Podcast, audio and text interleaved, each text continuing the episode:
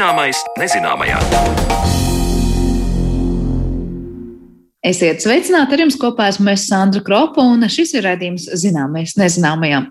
Šodien mēs tajā pievēršamies vērtīgam resursam 21. gadsimtā, kura lietojums var būt bīstams nonākot negodprātīgās rokās. Redzījumu esam veltījuši lielajiem datiem.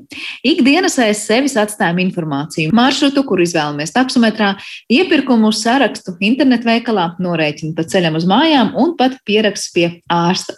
Kur nonāk mūsu dati, kam tie pieder un kādā kādi ētiski pārkāpumi novērojami datu lietojumā veselības aprūpē un biznesā. Par to jau runāsim pavisam drīz.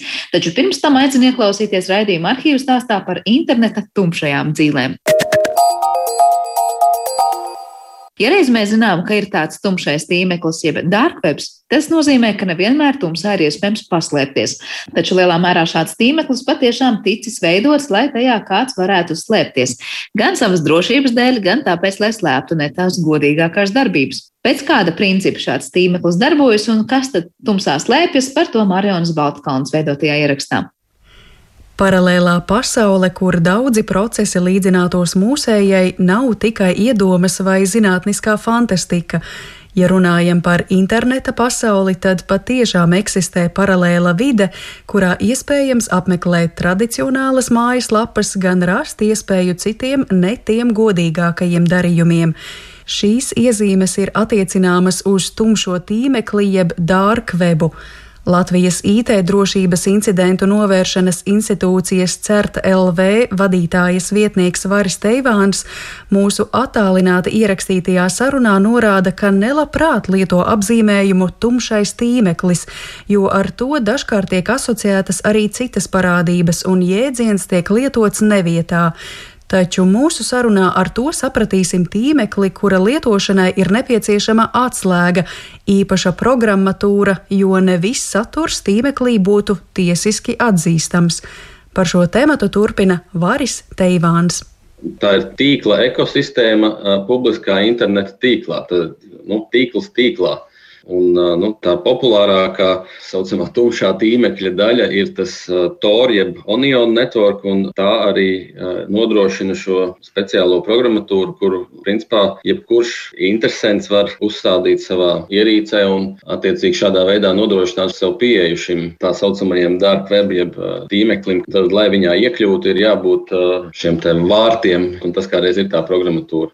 Un tas nebūtu nav nekas tāds, to var tiešām lietot jebkurš interesants. Un, nu, arī tas uztaisīts šobrīd ir tā, ka tam pat zināšanas īpašas nav vajadzīgas tehniskas, lai to varētu darīt. Vienkārši viena lietotne, kura ir jāpalaiž un viņu lietojot, tad tāpat kā ikdienā internetu pārlūku lietojot, varat sākt tūlīt pat jau arī apmeklēt vietnes, kas ir šajā tumšajā tīmeklī.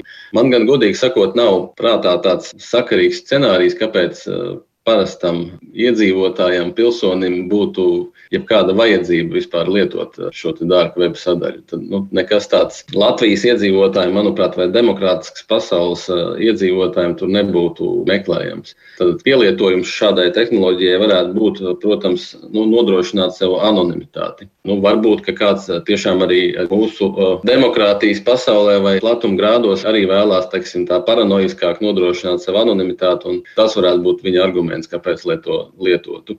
Tāpat cilvēki izvēlās lietot dažādas VPN savienojumus, kas it kā maskē viņa atrašanās vietu geogrāfisko. Nu, tad ar VPN savienojumu starpniecību izliekās, ka nāk savienojums piemēram no Kanādas vai Austrālijas vai citas pasaules daļas. Bet tad es saprotu, ka tiešām nekas ekskluzīvs tas nav. Viss, kas jums ir nepieciešams, ir šis aprīkojums, sauksim to par programmatūru, ja, un tad jūs ar tā palīdzību nokļūstat vēl vienā paralēlā pasaulē, kur ir viss tas pats, vai tomēr nu, tās vietnes, ko jūs varat apmeklēt, atšķiras. Ne par velti to tomēr it kā sauc par tumšo tīklu. Jā, nu tad no šī tumšā tīkla var piekļūt arī publiskā interneta resursiem. Tātad mēs varam apmeklēt uh, Latvijas radio mājaslapu. Nu, priekš Latvijas radio kā resursu turētāji izskatīsies, ka mēs neesam apmeklētājs no Latvijas, bet no kaut kurienes citurienes. Un tā īpatnība šim TOR tīklam ir tāda, ka savienojums tiek nodrošināts caur vismaz trīs punktiem. Tas nozīmē, ka arī viņa izsekošana atpakaļ ir ļoti, ļoti apgrūtināta līdz pat neiespējamai, jo nu, tas visu laiku tiek tiek savienojums miksēts starp vairākiem starpsavienojumiem, un tad nu, grūti ir izsekot viņu. Bet nu, par resursiem runājot, kuriem tur var piekļūt klāt, ir, protams, arī nu, bezgalīgs daudzums. Ja ne bezgalīgs, tad ļoti plašs, un tas spektrs arī ir visdažādākais. Un, nu, patiešām, kāpēc es minēju, ka tādam standarta iedzīvotājiem tur nav, manuprāt, ko meklēt, ir, ka tur ļoti daudz dominē krāpšana, dažādas nelikumības, aizliegts saturs un tā tālāk. Nu, līdz pat tādām lietām kā aizliegtu vielu tirzniecība, kontrabanda, kaut kādu noziegumu pasūtīšana un tādas lietas. Šādi un līdzīgi servisi bieži vien tiek radīti ar labu nolūku. Vai tas būtu tieši cilvēkiem vai reģioniem, nu, jebkurā gadījumā cilvēkiem, lai nodrošinātu viņam anonimitāti dēļ tā politiskā režīma, kāds pastāv varbūt konkrētā reģionā, vēršanās pret vārdu brīvību, kaut kādiem uzskatiem un tam līdzīgām niansēm, kas, teiksim, šāda ekosistēma, kas ir tīkls tīklā un nodrošina anonimitāti, bez šaubām ir augstā vērtē un pamatot arī būtu droši vien tā lietošana. Bet, nu, diemžēl, arī jāatzīst, ka tādas anonimitātes servisi ļoti bieži pat intensīvāk tiek pielietoti tieši no noziedznieku puses, jo tie ir iepazinušies pat detalizētāk nekā teiksim, vienkārši iedzīvotāji, kuri varbūt augst pēc vārda brīvības vai kāda savu viedokļu paušanas, un viņu mērķis ir vienkārši nebūt notvertiem un sodītiem par atšķirīgu viedokli. Tad teiksim, gan kibernoziedznieki, gan savādāki likuma pārkāpēji šīs nianses diezgan ātri teiksim, atkož tautas valodā runājot un, un lieto pat efektīvāk un apjomīgāk. Līdz ar to faktiski sanāk tāda kā servisa teiksim, ļaunprātīga izmantošana ļoti plašā mērogā. Un tā tas arī diemžēl ir ar šo toru tīklu, kur bez šaubām viņu lieto gan šiem leģitīmiem mērķiem, gan uh, visdažādākajām krāpšanas schēmām, komandu un kontrolas savienojumu nodrošināšanai, inficējot sistēmas. Ļoti populāri vienu brīdi bija tieši šie šifrējošie izspiedē vīrusi, arī lai slēptu savu infrastruktūru, uzturēja viņu šajā tumšā tīmekļa daļā, kur, lai upura inficētais dators vai sistēma varētu piekļūt šim komandu un kontroli infrastruktūrai, tad uz viņa tika uzstādīta sākumā šī speciālā programmatūra, kas nodrošina savienojumu uz tumšo tīmekli. Un tad, attiecīgi, tikai tad šis dators var piekļūt tam resursam, kur uzbrucējs grib, lai inficētā mašīna var sasniegt. Un tad attiecīgi panākt savus mērķus tālāk. Un, nu, tad tiesību sargājušām iestādēm, protams, ir darbs izmeklēt tādu un, un sadzīt pēdas rokās daudz, daudz apgrūtinātāks. Sākumā pieminēto TOR tīkla principu, proti savienojumu ar trim punktiem jeb izējas serveriem, lielā mērā ik pa laikam uztur tieši kādu valstu drošības dienesti, tā iemesla dēļ, lai varētu identificēt starp savienojumu plūsmas un panākt kādu caurspīdību. Tas var būt saistīts ar valsts drošību, tāpat Vāris Teivans piemina starptautisku operāciju pedofīlu ķeršanai tumšajā tīmeklī.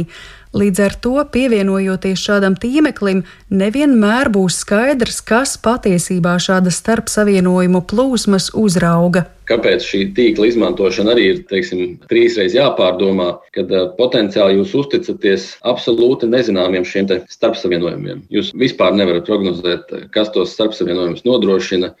Vai tie ir godprātīgi cilvēki vai nav, vai tie ir kādas citas valsts dienesti vai vienkārši entuziasti, kas tiešām uztur to izejas serveri vārda brīvības vārdā. Ja, jūs pilnīgi kā lietotājs šo nevarat pārbaudīt un zināt. Ja.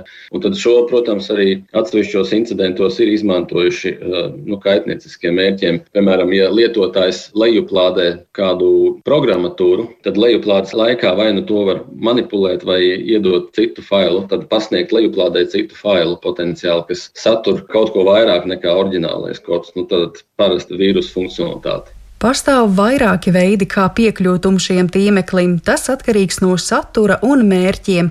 Tor uzskatāms par vispopulārāko paņēmienu. Tāpat arī e, dažādi peer-to-peer tīkli, kurus varētu uzskatīt par kaut ko zināmā mērā līdzīgu. Un populārākais viņu pielietojums, droši vien, kas vairāk sabiedrībai zināms, ir torrentu, jeb šo koplietošanas, jeb kopdalīšanās satura nodrošināšana, kas pārsvarā tomēr ir filmas, bet arī cits saturs. Šajā gadījumā e, vienmēr būtu aicinājums īpaši, kas attiecās uz programmatūras lejuplādi, caur šaubīgiem savienojumiem, pārliecināties, ka tā saucamā kriptogrāfiskā summa, jeb hash šai programmatūrai atbilst tam, ko nodrošina programmatūras ražotājs. Nu, visbiežāk ir tā, ka mūsdienās, ja kāds programmatūras ražotājs piedāvā savu produktu lejuplādē, tad viņš arī nodrošina šo kriptogrāfisko parakstu. Kā lietotājs lejuplādējot šo, var pārbaudīt, ka tiešām viņš ir lejuplādējis to, ko viņš ir cerējis lejuplādēt bez nekādām piedevām. Nu, jāatzīst, ka parastam lietotājam laikam nav pārāk vienkārši šo izdarīt. Tāpēc atkal es atgriežos, ka parastam lietotājam, manuprāt, tajā tumšajā tīmeklī īsti darīt nav ko.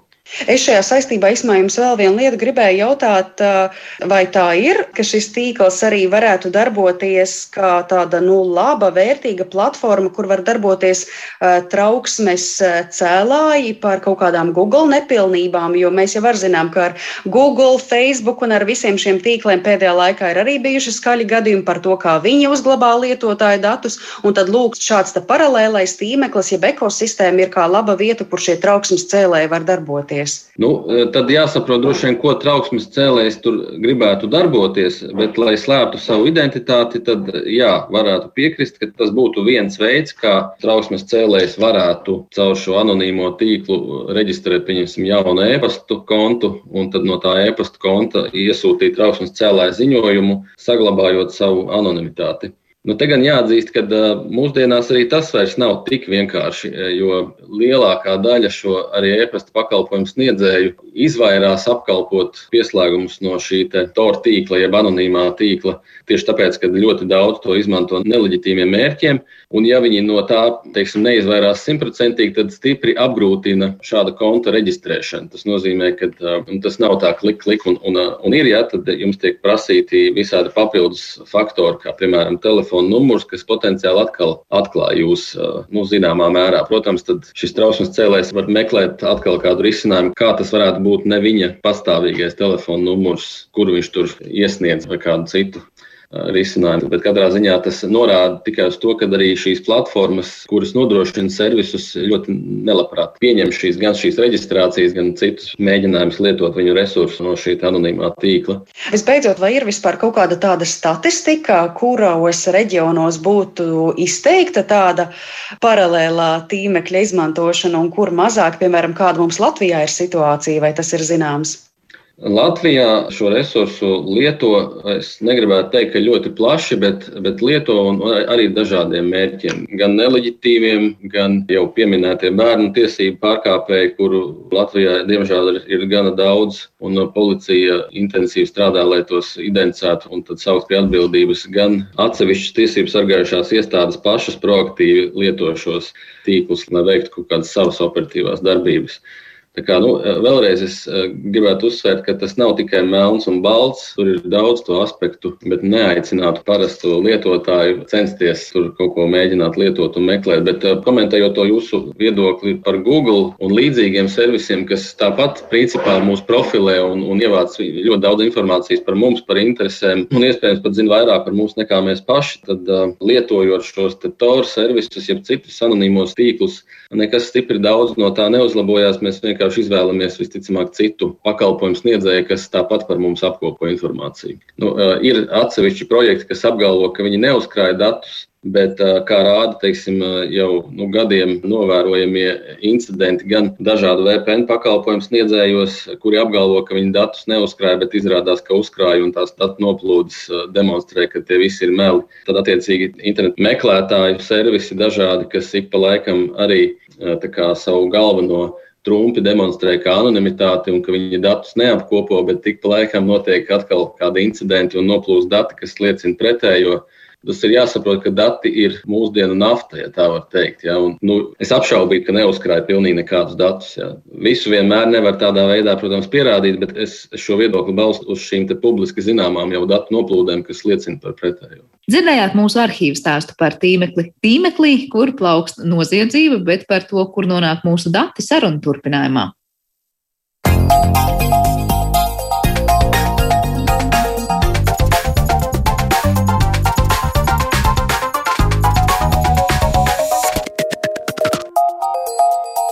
Zināmais nezināmajā. 21. gadsimts ir datu laikmets. Tie ir vērtīga valūta, kas ļauj funkcionēt biznesam, drošībai, attīstīties zinātnes un tehnoloģiju jomā, un tajā pašā laikā radīt jaunas nērtības mums pašiem. Kādus datus par sevi sniedzam apzināti un neapzināti, Kam šie dati pieder un kādas ētikas problēmas redzam datu izmantošanā, par to mēs šodien runāsim ar mūsu viesiem.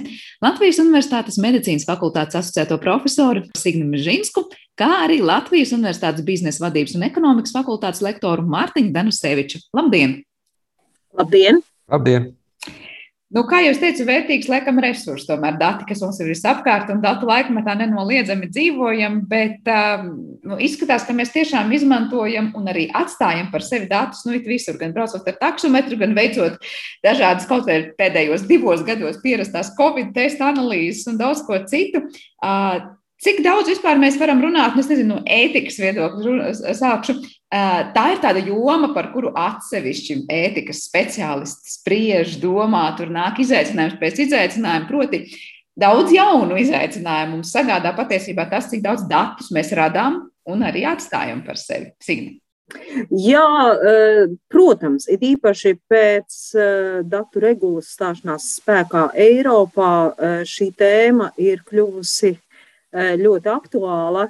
Nu, tur gan uzreiz jāsaka, ka uh, sākotnēji datu regula bija vairāk domāta, lai regulētu šo datu apriti uh, tādās jomās, nu, kā piemēram internets, kur mēs arī atstājam, vai, vai aplikācijas. Mēs lietojam, piemēram, mana joma ir veselība, līdz ar to mēs lietojam veselības aplikācijas un atstājam šos datus. Un, uh, mēs nevienmēr pamanām, ko mēs parakstām šajā, uh, ieķeksējam šajā piekrišanā, tad, kad mēs uh, sākam lietot kādu aplikāciju. Bet uh, datu regula uh, um, nebija domāta, piemēram, lai ierobežotu kaut kā ļoti e, zinātnieku darbību. Un tā ir tāda joma, kurā tagad uh, diezgan daudz pētniecības ētikas speciālisti strādā. Patiesībā pat mazliet otrādi e, pētniecības ētikas speciālisti mēģina pierādīt, ka datu izmantošana zinātnē ir ļoti vajadzīga un ārkārtīgi vērtīga. Un mēs mēģinām nu, robežas, eh, kur varbūt nevajag tik stingri ierobežot datu izmantošanu zinātnē. Tā kā tas nav tāds vienkāršs jautājums, un diskusija ir daudz. Kuras būtu tās jomas, kur nevajag tik stingri ierobežot, kur varbūt tā nu, kontrole vai aizsardzība ir pārlieku liela? Nu, redziet, eh, regula nosaka, ka eh, var būt dažādi pamati, eh, ja mēs runājam par personas datiem, personas datu apstrādē. Tātad personas dati ir tie dati, kuri ir identificējami. Un tāds visizplatītākais, droši viens no izplatītākajiem pamatiem ir piekrišana, bet ir arī tāds pamats kā sabiedrības intereses. Un, nu, zinātniekus droši vien uztrauc tas, ka mēs pārāk maz izmantojam šīs sabiedrības intereses kā pamatojumu datu, personas datu izmantošanai tieši zinātnē. Nu, es uzreiz varu teikt, ka, piemēram, Latvijā mums ir tikai vispārīgi iekopēta šī, šī norma no, no regulas likumā, bet mums nav citos likumos detalizēti pateikts, kad mēs varam izmantot sabiedrības intereses kā pamatu datu Eh, izmantošanai zinātnē, un tas ir ļoti liels trūkums šobrīd. Droši vien, ka mēs eh, sīkāk vēl parunāsim, bet eh, tādi nu, klasiski piemēri šeit būtu, es nezinu, piemēram, kaut kāda tur piedalīšanās ģenētikas, kaut kāda informācija vākšanā, tur gēnu datu bāžu veidošanā. Vai par ko ir stāsts, kuros mēs varētu teikt, tās sabiedrības intereses patiesībā varētu tikt vairāk ņemtas vērā un saprotu, tie dati ir izmantoti? Nē, nē, nu, ģenētika tā tomēr ir ļoti specifiska joma, kur mums Latvijā ir atsevišķs likums, un, uh, un tas ir genoma izpētes likums, kur ir skaidri noteikts, ka ir nepieciešama informēta piekrišana, lai šos datus varētu apstrādāt.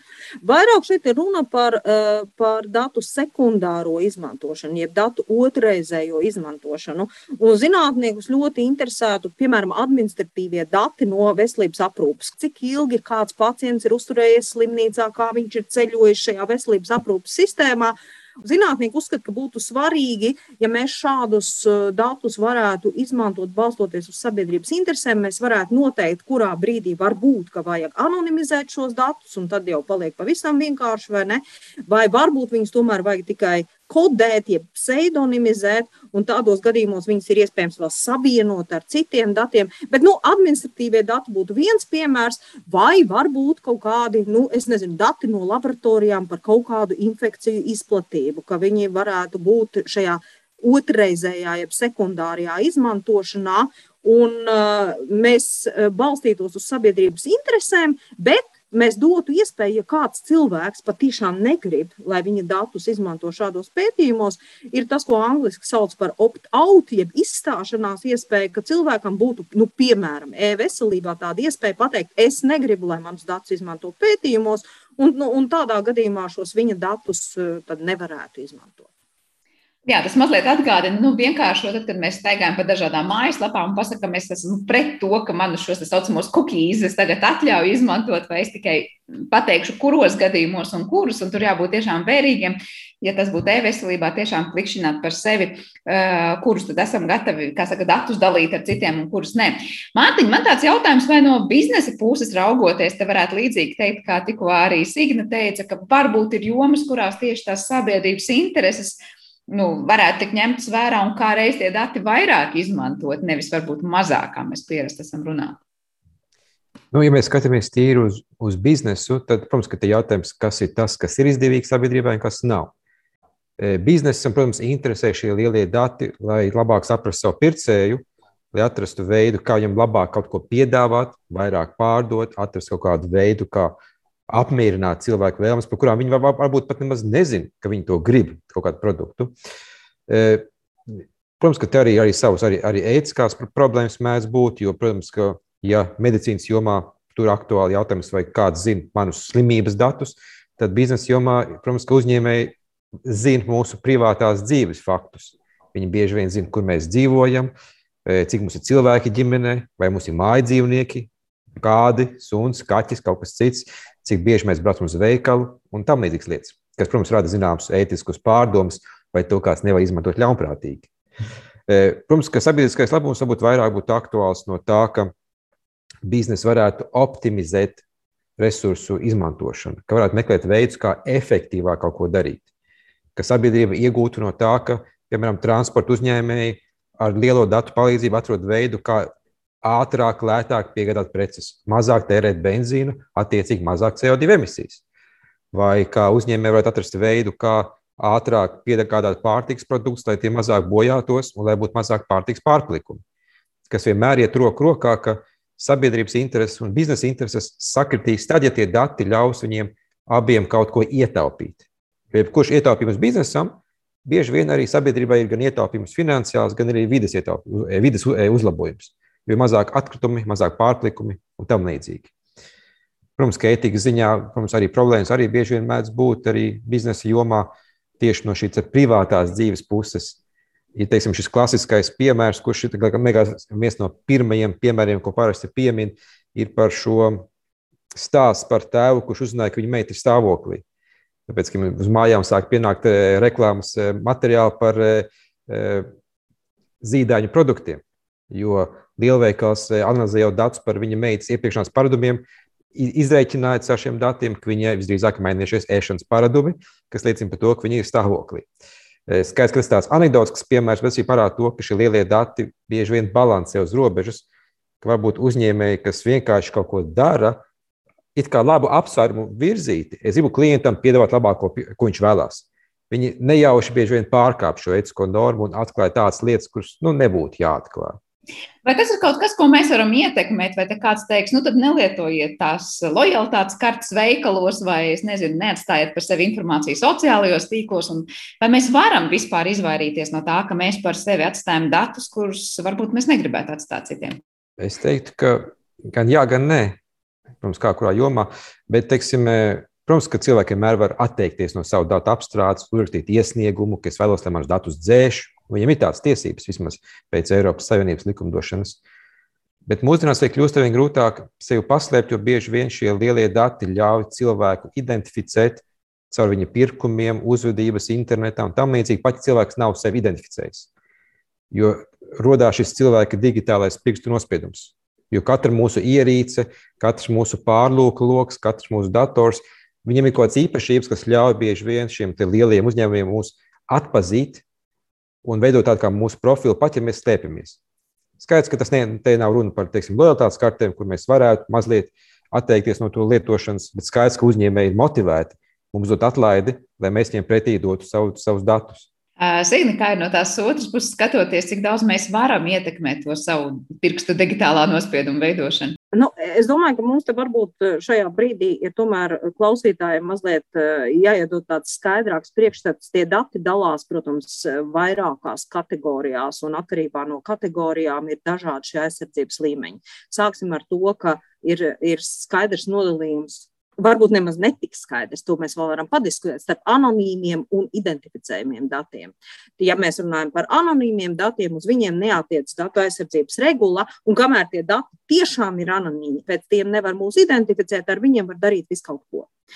Eh, ja mēs runājam par identificējumiem datiem, jeb personas datiem, tad tur arī ir tālāk šī iedalīšana grupās, un ir tāda atsevišķa grupa, kuru sauc īpašo kategoriju dati, kuros ietilpst piemēram veselības dati, kuros ietilpst ģenētiskie, biometriskie dati. Tur ir vēl vairāks eh, reliģiskā pārliecība un tā tālāk. Šie īpašo kategoriju dati, datu aizsardzības regulā ir īpaši aizsargāti, un tos drīkst apstrādāt tikai izņēmuma gadījumos ar īpašiem nosacījumiem un īpašiem mērķiem. Tā kā pirmkārt es gribētu klausītājiem dot to priekšstatu, ka šie dati, kur ir īpaši sensitīvi, ir arī īpaši aizsargāti. Un, nu, piemēram, medicīnā, ja mēs runājam par veselības datu izmantošanu, tur ir vesela sistēma, tā ir pētījuma ētikas komiteju sistēma, kurā uh, skatās, kādos pētījumos vispār kāds plāno izmantot datus. Pamatā tiks prasīta cilvēka informētā piekrišana. Latvijā ir likumā neliels izņēmums par medicīniskos dokumentos fiksētiem datiem, kur var uz sabiedrības interešu pamatos apstrādāt, bet tur vienmēr būs klāt šī ētikas komiteja, kura stingri vērtēs, Ja mēs runājam par visiem pārējiem personas datiem, tad uh, tur, protams, ir uh, nu, arī diezgan stingras prasības. Uh, nu, piemēram, tā pašā, ja tā ir personalizēta lielveikala karte, to tur arī ir vajadzīga mana piekrišana, un tur ir skaidri jānorāda mērķis, kādam mērķim šie dati tiks izmantoti, un katram no mums ir tiesības tieši tā vērsties un jautāt, kādiem mērķiem šie dati tiek izmantoti dati. Tā kā es domāju, ka Eiropa tomēr ir viena no eh, nu, tādām labāk pasargātajām populācijām Eiropas iedzīvotāju šajā ziņā. Mēs par to varam būt priecīgi. Nu, tad ir jautājums, kur mēs izdarām šos izņēmumus, kur mēs zinātnes nolūkiem, piemēram, es noteikti esmu zinātnes jomas pārstāvis, un es, es aizstāvēšu vienmēr šo datu izmantošanu zinātnē, jo zinātnē var skaidri saskatīt eh, šo eh, sabiedrības interešu eh, motīvu. Ja par biznesu jautājas, droši vien diskutētu, kuros gadījumos un kurš, galvenais, kurš var pateikt, ka tur ir tā sabiedrības interese. Ja mēs runājam par zinātni, zinātnē tomēr ir diezgan skaidri. Nu, vairāk vai mazāk izstrādāta sistēma, kā mēs varam mēģināt to sabiedrības labumu tomēr noteikt, un definēt un apstiprināt. Bet, ja mēs nerunājam par zinātnīs nu, vajadzībām, izmantojamiem datiem vai to, ko mēs tur atstājam, nu, piemēram, tāds triviāls piemērs kā mūsu brauciens ar taksometru. Tajā brīdī, kad mums ir profils, kurā mēs parādām adresi, kurā mēs iekāpām, uz kurien mēs devāmies, laiku, cikos un tā tālāk. Jautājums, Vai šie dati būs tie identificējami, un vai tie arī tiks pietiekoši labi sargāti, vai tie būs nu, salīdzinoši anonīmi? Es nezinu, nevienam nevajadzīgi, bet varbūt šī kompānija tos pārdos kādam citam savukārt uzņēmumam. Un tad jautājums, ko mēs ietekmējam? Uh, pilnīgi viennozīmīgi dati, kur ir mans vārds, uzvārds, ne tikai vārds, uzvārds, kur ir mana fotografija, kur ir, piemēram, mans balss ieraksts, pēc kuriem mani var identificēt, tie ir personas dati, kurus aizsargā ļoti stingri likums.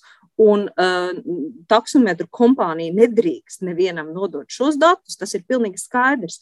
Anonīmi dati ir tādi dati, pēc kuriem tiešām personu nav iespējams identificēt. Piemēram, statistikas dati ir anonīmi dati. Un, un tajā brīdī, kad ir kaut kādi, nezinu, nu, ja, ja iekļauj slimnīca, iedod, cik mums ir tādas un tādas slimības pacientu un sabiedrības uh, slimību kontrols un profilakses centrs, tāpēc tam strādā tālāk ar šiem datiem, tie ir anonīmi dati. Ja mēs braucam ar taksimetru un tur ir mūsu vārds aplikācijā, taksimetra kompānijai nav nekādas tiesības kaut ko tālāk ar šiem datiem darīt. Viņi varbūt var kaut kādu statistiku kaut kur izmantot, ja, bet ne personalizētus, identificējumus datus. Mārtiņa, būs kas piebilstams pie tā, kā, piemēram, tāds uzņēmums var, nevar rīkoties ar tiem mūsu datiem, un kur varbūt varētu būt liels vilinājums kaut kādā veidā tos tomēr kādam. Protams, jā, ka šeit ir šis regulējums gan Latvijas, gan Eiropas Savienības. Un tas ir labi, ka mums ir šis regulējums un Eiropas Savienības iniciatīva veidot šo vienoto sistēmu. E, šo vispārīgo datu aizsardzības regulu arī bija kā signāls visai pārējai pasaulē, jo pārējie pielāgojās Eiropai pēc tam. Uzņēmēju līmenī, protams, ka šeit nav tik stingri kā medicīnā. Te nav tādas komisijas, kas uzrauga tik stingri. Līdz ar to ir lielāks risks, ka kaut kas var noplūst. E, protams, ka mums, teiksim, Latvijā ir šī datu valsts inspekcija, kas sako tam līdzi un, un izskata sūdzības, ja tādas radušās. Bet, protams, ka uz papīra tiešām būtu jābūt tā, kā Signe teica, ka bez mūsu ziņas, mūsu personas informācija dati nenoplūst. Bet, protams, ka mēs kā dzīvē nevaram zināt, kā ir patiesībā, bieži vien ir bijuši kaut kāds noplūds, ka kaut kāda uzņēmuma ir datus vai zaudējuši, vai nejauši nopludinājuši, vai ļaunprātīgi bijusi noplūde. Un tās bieži vien atklāja šīs vājās vietas visā šajā sistēmā, ka pēkšņi masveidā visi uzzina kaut kādu cilvēku adreses vai e-pasta adreses vai pat eh, banku karšu datus, kas biežāk noticis ir ASV šādi gadījumi, bet, protams, ka tie notiek. Pārsvarā, protams, kaut kāda veida ļaunprātības e, līmenī. Tā kā cerams, ka protams, uzņēmēji no tā mācās, jo viņiem tas ir arī būtisks reputācijas risks. Jo vienmēr šie, te, šie gadījumi, ka šī ētika ir tikus pārkāpta, jauši vai nejauši, ir nodus pie reputācijas zaudējuma, un uzņēmums saprot, ka viņiem jābūt uzmanīgākiem. Jo viņiem, es teiktu, ka uzņēmējs mazāk uztrauc ētikas pārkāpumu likuma prasību dēļ, bet vairāk reputācijas dēļ, jo tas var būt zaudēts tirgus.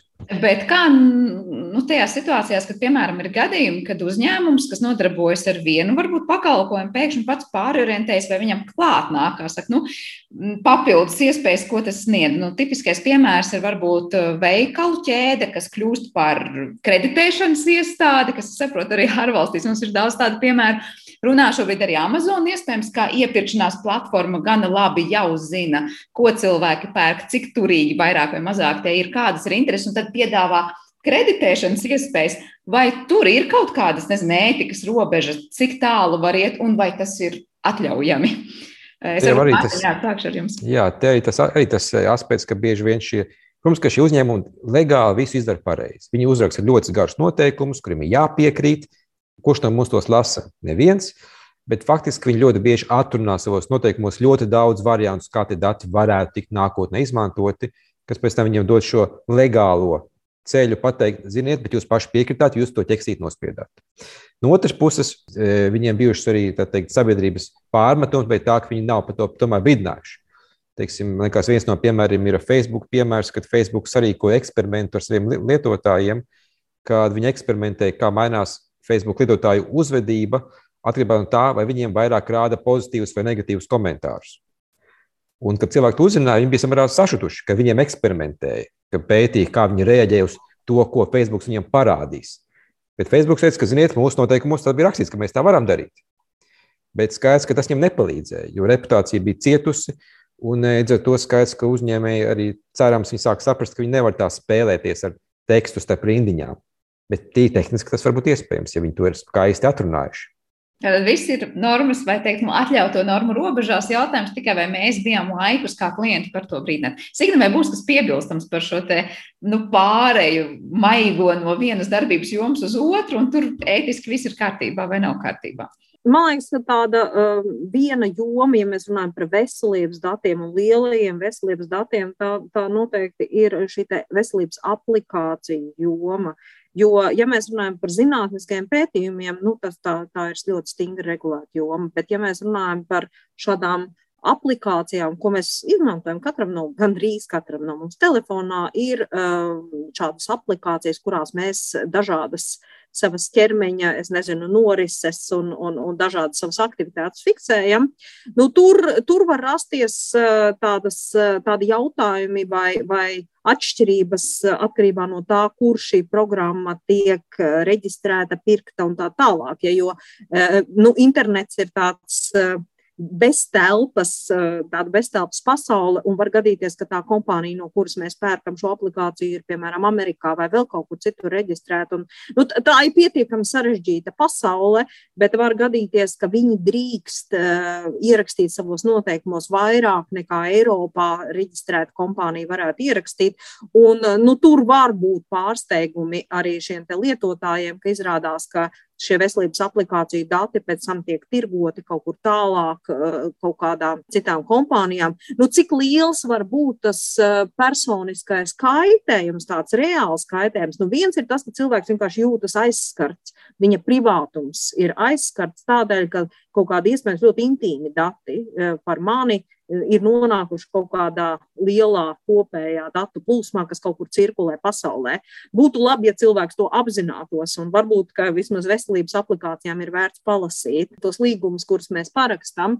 Bet nu, otra problēma eh, pie kaut kādiem lielajiem datiem, eh, tur, kur ir it sevišķi veselības dati kopā ar kaut kādiem vēl eh, pārvietošanās un vēl kaut kādiem datiem, var būt situācijas, kur to datu, ja viņus apvieno par vienu vienu lietotāju kopā, ka vienā brīdī, pat ja ir domāts, ka viņi būs anonīmi un anonimizēti, vienā brīdī var sākt tomēr atpazīt šo lietotāju. Es tagad neiedzināšos, bet ir šādi piemēri, kur faktiski publiski pieejamiem lieliem datiem eh, kaut žurnālisti vai kaut kādi entuziasti ir parādījuši, ka faktiski var atrast eh, kaut kādu konkrētu personu, un tajā brīdī tas var kļūt nu, diezgan nepatīkami nepatīkami, ja, ja ir tāda lieta, un ja kādu interesē kāds cilvēks, atrodot viņa šos lielos datus, var ļoti, ļoti daudz ko uzzināt eh, par viņa dzīvi. Te mēs nonākam pie tā jautājuma, ko es arī gribēju vēl aktualizēt, cik ļoti anonīmi patiesībā ir, kā es pirms tam teicu, šie it kā anonīmie uh, un nepersonificētie dati. Un te gan vairāk ārvalstu medijos lasāms, tiešām piemērs bija tāds, ja Ņujorkā dzīvojošs vīrietis, kurš ir dzimis 5. janvārī, konkrētajā gadā, viņam ir zināms, ir piemēram divi bērni, ir zināms bērnu dzimums, ir zināms, ar kādas markas un krāsas automašīnu viņš brauc, un es nezinu, kāda viņiem ir mājdzīvnieki, tad patiesībā liekas no tādas ļoti nu, nenoteiktas datu kopas var izsacināt un atrast to cilvēku diezgan precīzi. Vai mēs šeit runājam par to, ka jo vairāk un detalizētāk tā it kā anonīmā informācija par mums kaut kur ir atstāta, tad saliekot kopā mākslīgais intelekts vai kas cits tos pareizos sadaras punktus, mēs patiesībā sevi un ne, vēl, ne tikai sevi vien atrast tajā lielajā datu jūrā. Tā ir, bet, bet es uzreiz gribētu uzsvērt, ka, protams, ir veidi, kā ar to var mēģināt tikt galā. Un, un tāpēc man ir prieks, ka Latvijā pamazām top arī datu sekundārās izmantošanas likums. Viņš, viņš top, cerams, ka viņš arī kaut kad būs. Un, un te var paņemt Somijas paraugu, kur, ja runa ir par veselības datiem un par sociālajiem datiem, tad Somijā, piemēram, ir ļoti skaidrs regulējums regulējums, tur ir speciāla institūcija, kura pārvalda šo datu izsniegšanu ne tikai zinātniekiem, bet arī citiem, ka, kas varētu būt ieinteresēti šajā uh, datu analīzē, bet šīs institūcijas atbildība ir izvērtēt tajā brīdī, kad, piemēram, pētnieks vai kaut kāds cits uh, nu, nezinu, kāds, kam vajag tos datus analizēt, viņš pieprasa, piemēram, savienot kaut kādu divu veidu datus, šī institūcija izvērtē, vai tur parādās šis risks vai neparādās. Un es ceru, ka mēs Latvijā arī izveidosim vai nodosim kādas ministrijas vai ne, e, rīcībā šo uzdevumu tādas lietas skatīties. Tāpēc e, es domāju, ka pārdomāt un mērķtiecīgi rīkojoties tādā valsts līmenī es redzētu, nu, tur, kur valsts kaut kā pārvalda šīs datu plūsmas, man tas liktos uh, skaidrāk un, un uh, mēs varam aizsargāt. Bet atkal, ja mēs skatāmies uz, uz šīm aplikācijām, internetu, pēdas, ko mēs atstājam internetā, manuprāt, tur ir lieli riski. Nu, plus vēl uh, dažkārt arī biznesa pasaulē, kur nu, nebūsim naivi, mēdz arī būt dažādi melnie un pelēkie tirgi, kuros šos datus uh, tirgo un tad var savienot un vēl visu kaut ko darīt. Pirms Mums ir jādomā par to. Jā, pirms es Mārtiņam dodu vārdu, jo droši vien Mārtiņam arī ir ko piebilst. Tad es precizēju, vai nesanāk arī no vienas puses tā ļoti labi, lai mēs savietotu šos datus par vienu un otru aspektu kopā. Mums tur kāds to izvērtēs un pateiks, to vajag vai nevajag arī zinātnē. Bet neliek vienlaikus zinātnē, nu tā kā sprunguļus riteņos tas, ka gandrīz vai nu katra darbība ar lielajiem datiem un to dažādu spēlēšanās ar datiem būs ļoti, ļoti regulēta un līdz ar to nu, varbūt kaut kāda nu, nezinu, zinātnē neies tik lieliem soļiem uz priekšu, kā mēs gribētu. Es, es personīgi, es, šādi, nu, piemēram, skatoties uz to pašu summu paraugu par, par datu sekundāro izmantošanu, es domāju, ka tieši otrādi šīs institūcijas uzdevums ir nevis likt sprunguļus, bet šīs institūcijas uzdevums pirmkārt ir darīt e, zinātniekiem un citām interesantām pusēm parādīt, kādi dati vispār mums ir. Jo eh, šobrīd jau mēs esam tādā, tā, tādā mežā, vai ne? Mēs, mēs, mums ir grūti saprast, kuram ir kādi dati. Šis institūcijas uzdevums būtu izveidot tādu kā karti. Viņi, viņi, viņiem ir metadati, nevis paši dati, bet viņiem ir kaut kādi metadati, kas apraksta, nu, teiksim, Eh, nezinu, Stradiņas slimnīcā var dabūt tādus un tādus datus, eh, mēs viņus varam anonimizēt un izsniegt pētniekiem, vai eh, nu, vēl kaut kur citur ir citi dati slimību kontrolas un profilaks centrā, un ja epidemiologi grib kaut ko ļoti vērtīgu sabiedrības interesēs izpētīt, mēs varam apvienot šos datus un viņiem izsniegt, bet, bet pie pētniekiem tas jau nonāks, nu, piemēram, anonimizētā veidā. Jā, tad vairāk patiesībā tas rosinās atvērt tos datus, nevis aiztaisīt tos ceļus ciet. Mārtiņ, jā, droši vien ir ko piebilst. Jā, principā, protams, ka taisnība ir, ka ir ļoti grūti paslēpties, ja mēs runājam par personas datiem. Bet es gribētu arī parunāt par to, ka arī ka lielie dati jau nav tikai personu dati. Ka mums ir teiksim, teiksim, no biznesa un ekonomikas viedokļa ļoti svarīgi tas, ka mums ir atverusies pasaule tajā, ka mums ir pieejami dati par pasaules tautsēmniecību, demogrāfiju, transporta ķēdēm un tam līdzīgi, kas dod arī daudz plusus, ka mēs varam pētīt ne tikai individus, bet arī pasaules uzbūvi. Arī Latvijā kļūst labāk. Mums, teiksim, tagad ir savs Latvijas atvērto datu portāls, un arī globāli daudzas e, organizācijas akumulē datus, un pēc tam tos izliek publiskai pieejai, kas ļauj arī pētniekiem, arī zinātnē, meklēt kaut kādas jaunas lietas, kaut kādas jaunas sakarības pasaulē, Tātad, protams, ir arī, ir arī tā pozitīvā šķautne tam visam, ka mēs vairāk redzam, kas notiek no dažādiem sociālo-ekonomiskiem aspektiem, un uz tā pamata varam arī kaut kādā veidā mēģināt uzlabot pasauli. Es noslēdzot mūsu sarunu, pamazām gribēju vēl parunāt par vienu aspektu, kur no vienas puses ir jautājums, kur ir tā robeža, kad um, lai par mums iegūtu datus un, var teikt, nu, izveidot tādu kā mūsu, es nezinu, vai var teikt, sociālo profilu. Uh, mēs tiekam pasargāti no tā, ka, pieņemsim, tas pats, es nezinu, skatos Mārtiņa virzienā un teikšu, nu, kaut vai kredīta ņemšanas procesā, droši vien par mums izvērtē nu, informāciju, ko mēs pat arī neapjaušam. Uh, kur varbūt arī daudz ko pasaka tās, es nezinu, vai mēs esam azartspēļu piekritēji, neesam azartspēļu piekritēji, droši vien paskatoties, ko mēs internetā darām, varbūt, un kur esam, kas mūsu bankas kontos notiek, un tā tālāk, un tā joprojām. Un tajā pašā laikā piemērs Ķīnā, kas vairāk atgādina, es nezinu, zinātniskās fantastikas romānus vai filmas, kas jau ir realitāte, proti, ka ir šī, šāds te, nu, sociālais, es nezinu, kā lai to nosauc, um, indeks, kas parāda vai mēs esam pietiekoši, ja tā var teikt, labi uzvedušies, vai mēs esam pietiekoši atbildīgi, kā mēs braucam ar mašīnu un tā tālāk un tā joprojām. Un, proti, jo šis indeks ir zemāks, jo patiešām cilvēkiem var būt problēmas iegādāties avio biļetes, es nezinu, turpat līdz ierobežojumam turēt mājdzīvniekus un tā tālāk un tā joprojām. Kur ir tā robeža, ka tie dati, kas par mums tiek ievākti, tiešām ļauj segmentēt un, nezinu, atļaut mums izmantot kaut kādus pakalpojumus, ko varbūt mums citādi nevajadzētu mēģināt izmantot, Un kur savukārt mēs nonākam pie tādas nu, zinu, cilvēku dalīšanas šķirās tikai atbilst, atbilstoši tam, kā mēs uzvedamies sociālajā vidē.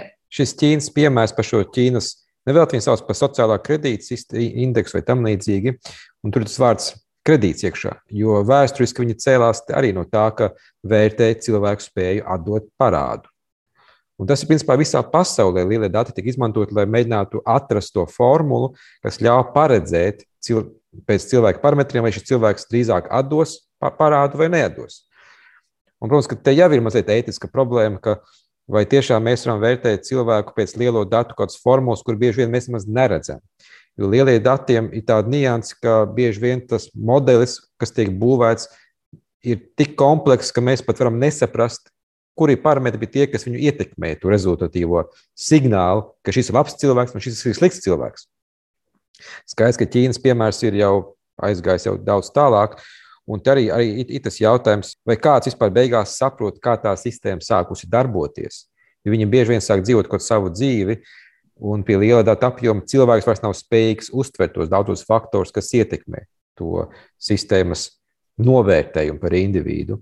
Tā kā skaidrs, ka te vienmēr būtu jābūt kaut kādam racionālam e, elementam, ka mēs arī tomēr skatāmies e, ne tikai balstoties pliki uz matemātiku.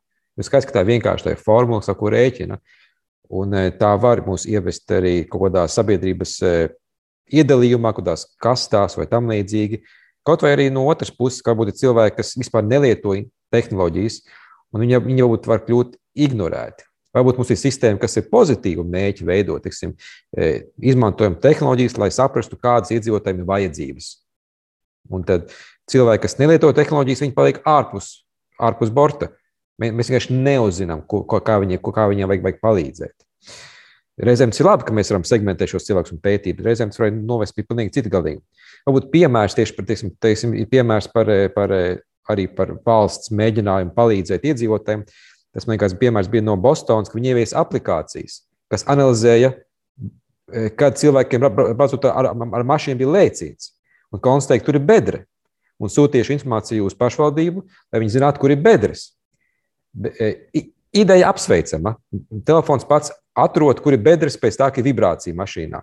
Bet izrādījās, ka beigās tika remontēts ielas tikai turīgos rajonos. Jo cilvēki, kas dzīvo nabadzīgos rajonos, viņiem mašīnām ne, nebrauc. Tāpēc tā aplikācija nepamanīja, ka tur ir bedres.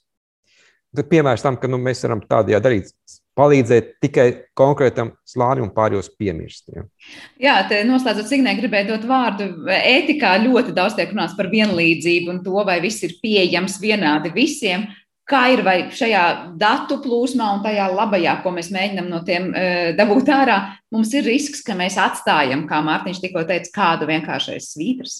Pirmkārt, es, es gribētu vēlreiz uzsvērt, ka Eiropā mēs dzīvojam nu, vienā no drošākajām uh, datu vidēm, kāda šobrīd pasaulē ir. Uh, un um, mūs cenšas pasargāt no mūsu datu tādas pretlikumīgas lietošanas, piemēram, no uh, profilēšanas, kas ir, kas ir ļoti stingri ierobežota uh, datu regulā.